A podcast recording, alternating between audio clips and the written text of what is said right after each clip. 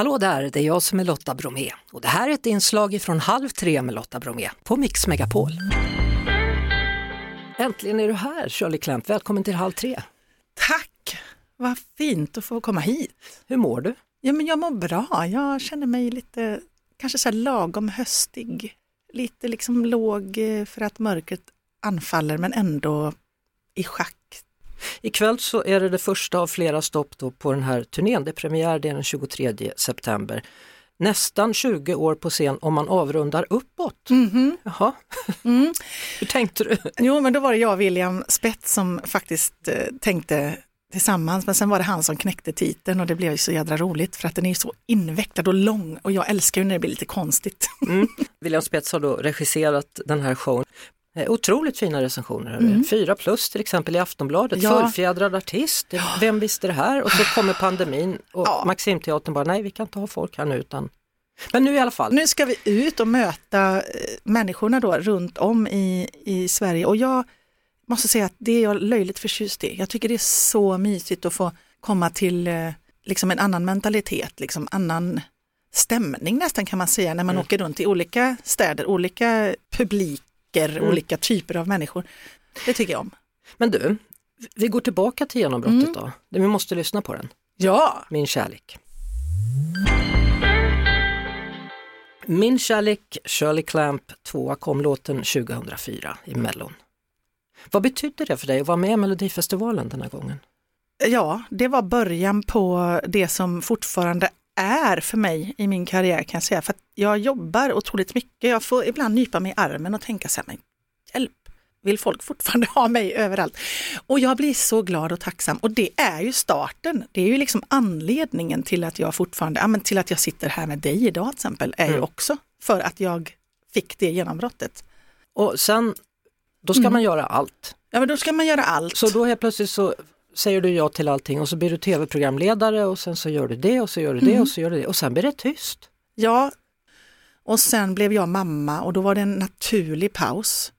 Och sen är det nog också att man ibland känner själv att jag behöver bara gräva ner mig nu, gå i det och så hörs vi om ett tag. Och det är lite risky business för folk undrar, men oj, finns inte hon längre? Men, men du gick in i väggen. Det var en period som var riktigt svår. Det var en period och det var ju liksom på grund av att jag samtidigt då så skulle jag ju då separera från mitt ex, eh, Viljas pappa. Och eh, det var jättejobbigt. Men det var ju också jättejobbigt att jag var tvungen att sälja mitt, mitt drömhus som vi hade köpt. Det var en separation till. Så det var tungt och jag fattade ju inte det. Det var ju en läkare som sa till mig, men du har ju gått igenom ganska mycket. Jaha, Ja, det har jag ju nog. Det är lustigt, man fattar oftast inte själv. Så de här äh, mörka perioderna, de pratar jag ju faktiskt om i föreställningen. Det låter ju muntert och låter ju verkligen som en humorshow. Nej men det finns ju en poäng med det, Ja, att, det att man finns har en viss det. svärta i det man Mm. berättar också. Det hände så mycket konstiga grejer i mitt liv då. Och man klarar ju rätt mycket kan jag säga nu eh, med facit i hand. Så klarar ju människan ganska mycket. Men det är klart att det måste ju visa sig någonstans. Men, men du, du tog hjälp av tredje person där? Det gjorde jag. Eh, och jag började med en eh, terapeut som eh, jobbade mycket med prestationsångest, för jag trodde att det var det det grundades i, att jag, för jag är en prestationsmänniska. Och jag mår bra när jag vet att jag gör bra ifrån mig och så får jag en applåd. Och så går jag hem och är lycklig. Nu säger jag det här kortfattat för alla ska hänga med. Eh, och när jag då märkte att jag var låg och inte riktigt kunde prestera och inte fick den här applåden, om ni förstår vad jag menar, så mådde jag väldigt dåligt. Och jag mådde dåligt när jag inte minglade, när jag inte träffade folk och var den roligaste tjejen i stan. Jag blev liksom ledsen på mig själv att jag inte kunde ge och ge och ge och ge och ge och ge. Och till slut så går du in i väggen. Och då blev jag låg för att jag var så förändrad tyckte jag, att jag inte var så glad och check och trevlig och härlig och sa ja till allting längre. Och då var min första läxa att lära mig att säga nej utan att få skuldkänslor. Du, det låter enkelt, men det var skittufft. Att bara helt plötsligt vara den här, nej men jag vill inte det, eller nej men jag kan inte, och sen bara stå för det. Utan jag var så här, åh nej, vad ska de tycka nu när jag sa så? Åh nej, nu hatar de säkert mig och du vet, åh, alltså det, man har ju gått igenom så många känslor, alltså jag vet inte ens. Ja. Nej, men det, man vill ju vara till lax va? Ja, det är nog det. Ja.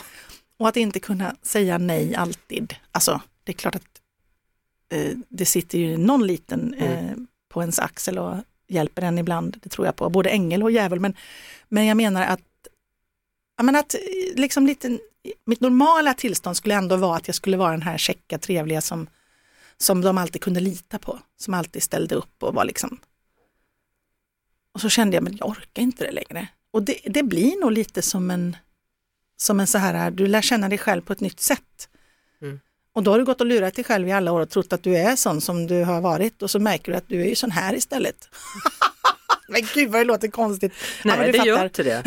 Nej men du det fattar. gör faktiskt, Mm. Ja, jag fattar. Du, var det under den här perioden du försökte koka ägg kanske? Ja men det var ju det, Ja. det var ju det. Och jag menar då är det inte konstigt att jag skyller det på någon annan. ja. Då hade jag ändå orkat resa mig ur sängen den dagen. Liksom. Men jag glömde ägget, då får man ju ändå vara glad. ja, halvvägs där. Ja.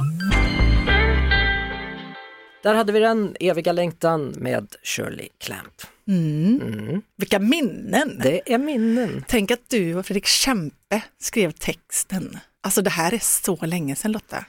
Jag bara minns när jag fick ditt namn så här i, i skivkonvolut. Det, det var liksom roligt för mig som var ganska ny då, liksom, att det var så här Fredrik Kempe, Lotta Bromé. Liksom. Och kul för mig nu, för nu är jag på Mix Megapol så då får jag spela den Ja låten. men du ser. Ja, härligt. Du, ap- apropå eviga längtan nu, hur är det med kärleken? Jo men den är fin, den är, eh, tycker ju att jag har varit så duktig som har vågat släppa in. För mig har det varit eh, sjukt läskigt i mitt liv att släppa in. Visa kärlek har jag inga problem med för det tycker jag är otroligt lugnande och befriande att få göra. Men att då tro att det kan hända en själv tillbaka in, det, det, har, jag all, det har jag inte trott på.